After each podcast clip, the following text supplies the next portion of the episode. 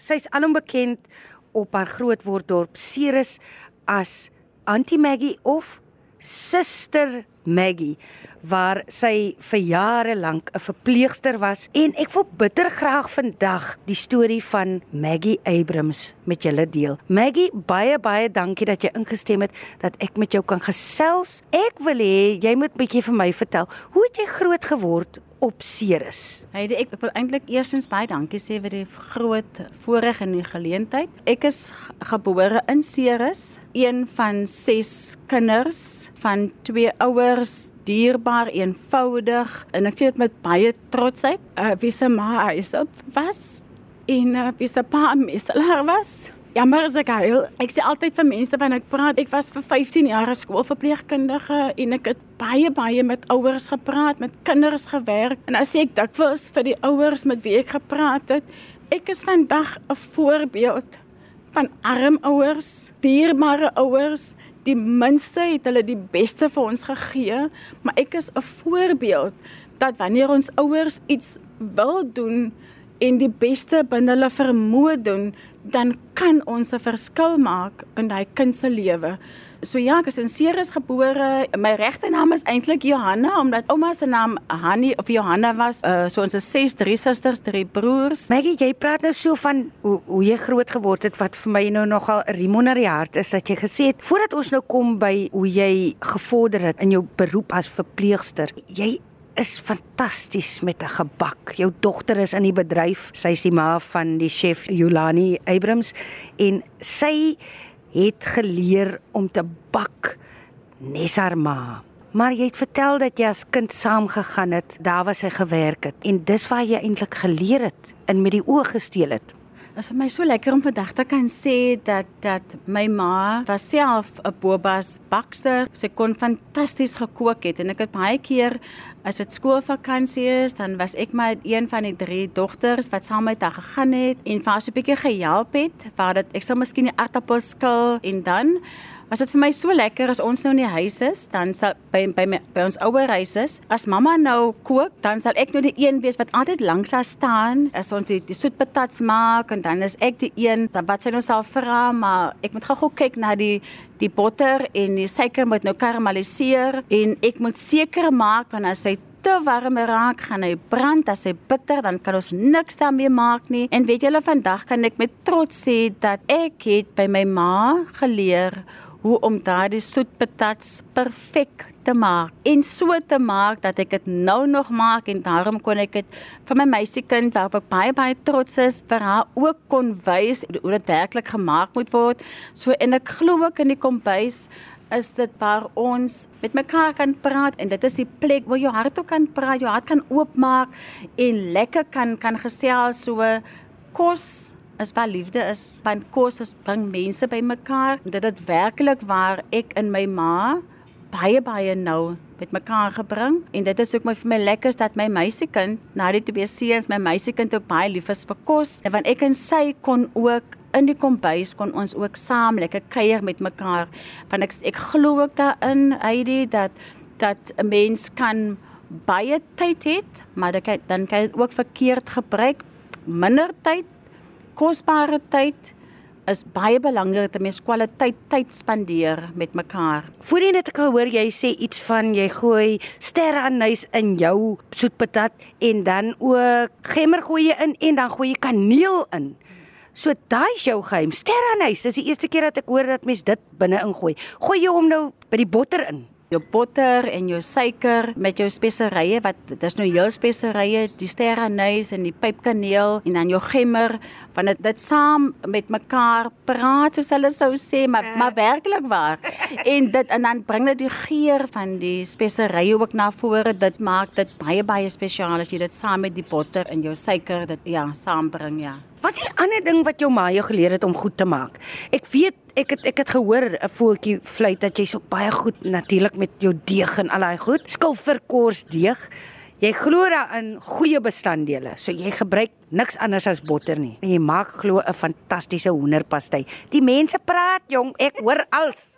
Ek maak nie 'n pastei, 'n hoenderpastei sonder my eie deeg nie. As ek dit self gemaak, dan kan ek dit met soveel hartlikheid oorgee en mm. bedien vir my familie. Vir die skilverkors is dit ek moet kwaliteit produkte gebruik vir kwaliteit mense.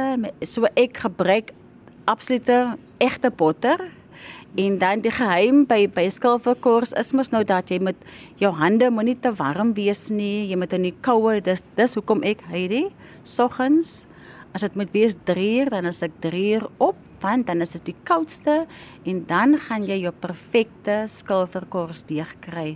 En jy gaan nooit by my huis pasta eet wat met gekoopte uh, deeg is nie.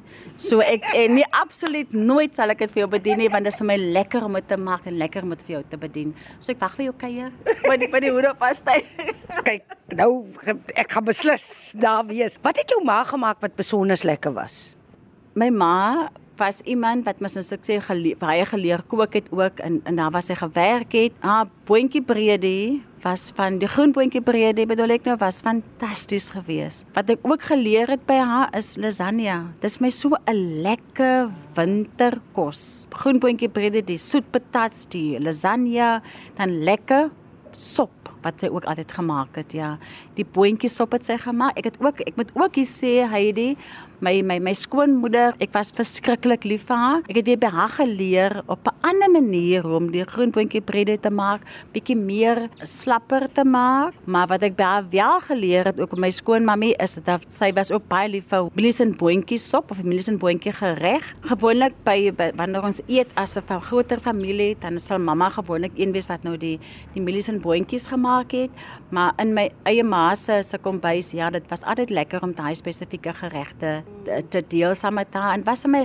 regte voorreg dat sy vir my gekies het om altyd vir haar te kan help. So maar ek en sy het 'n baie besondere band gehad en dit is hoekom ek altyd aan aan haar sy was. So ja, dit was my baie baie lekker geweest. Maggie, maar hoekom dan toe psigiatrie? Jy was 45 jaar oud toe jy besluit dit is die rigting waarna jy gaan. Hoekom dit spesifiek? Heidi, ehm um, vir die 15 jaar wat ek gewerk het in die skole, het ek waargeneem dat daar is kinders emosionele seer kinders seer harte nie net altyd fisies seer nie maar soveel seer harte kinders wat wat gemolesteer is kinders wat wat mishandel was. En ek het dit regtig besef dat ek wil spesialiseer om vir my gemeenskap my kliënte my pasiënte die kinders by die skool of dan ook dan die die ouers van die kinders beter te verstaan beter te kan ondersteun en en eh, sodat ek meer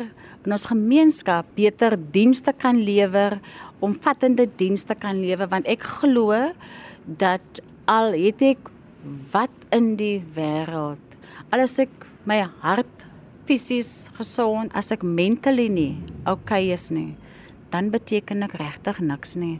En ek het werklik net besef ek wil eendag baie gaan spesialiseer om mense geestes wel te kry, geestes welstand uh, motiveer by mense te bevorder by mense want as ek nie geestes gesond is nie dan het ons eintlik 'n baie siek gemeenskap. In my uh, 12 jaar as psigiatrie verpleegkundige het ek waargeneem hoe belangrik dit vir my is maar ook vir die gemeenskap is om om psigiatries gesond te wees.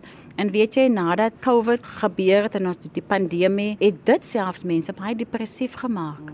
Was altyd vir my aangenaam om te kan weet dat ek net so eenvoudig gaan spesialiseer het om werklik waar ons gemeenskap geesteswelstand te bevorder. Van 'n hartsmens soos jy Maggie, wat sou jou wens wees vir iedereen elk, vir jouself, jou gesin, jou hartswens? Wat is Maggie alom bekend as Suster Maggie Abrams se hartswens? Dat ons werklik 'n gelukkige gemeenskap moet hê, dat ons 'n gelukkige gesinne moet hê. En ek wil nie vandag sê dit is baie eenvoudig nie, ek wil dit ook nie eenvoudig laat klink nie, maar dit is my werklik waar nie dat ons uh moet weelde het nie. Want weelde beteken absoluut niks as jy nie gesond is nie. Wat vir my belangrik is, Heidi, is dat mens moet tevrede wees met klein dingetjies in die lewe, liefde, hoop, vreugde kan hê, want dan kom die groter dinge kom dan van self. Baie dankie dat jy met my gesels het Maggie en dis 'n pragtige hartwens en ek stem met jou saam.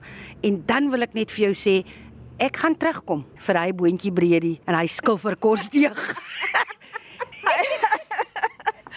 Heidi, ek sien uit na die dag. Ek gaan met soveel liefde vir jou daai breedie voorberei en daai patat voorberei. En Heidi, ek wou dit net maar vergeet om dit te sê. My malva pudding is een van my spesialiteite wat ek ook by my ma geleer het. So ek gaan afrond Heidi met die malva pudding. Sien uit daarna, ek kan nie wag nie. Ek ook, ek kan nie wag nie. Dankie. Oh,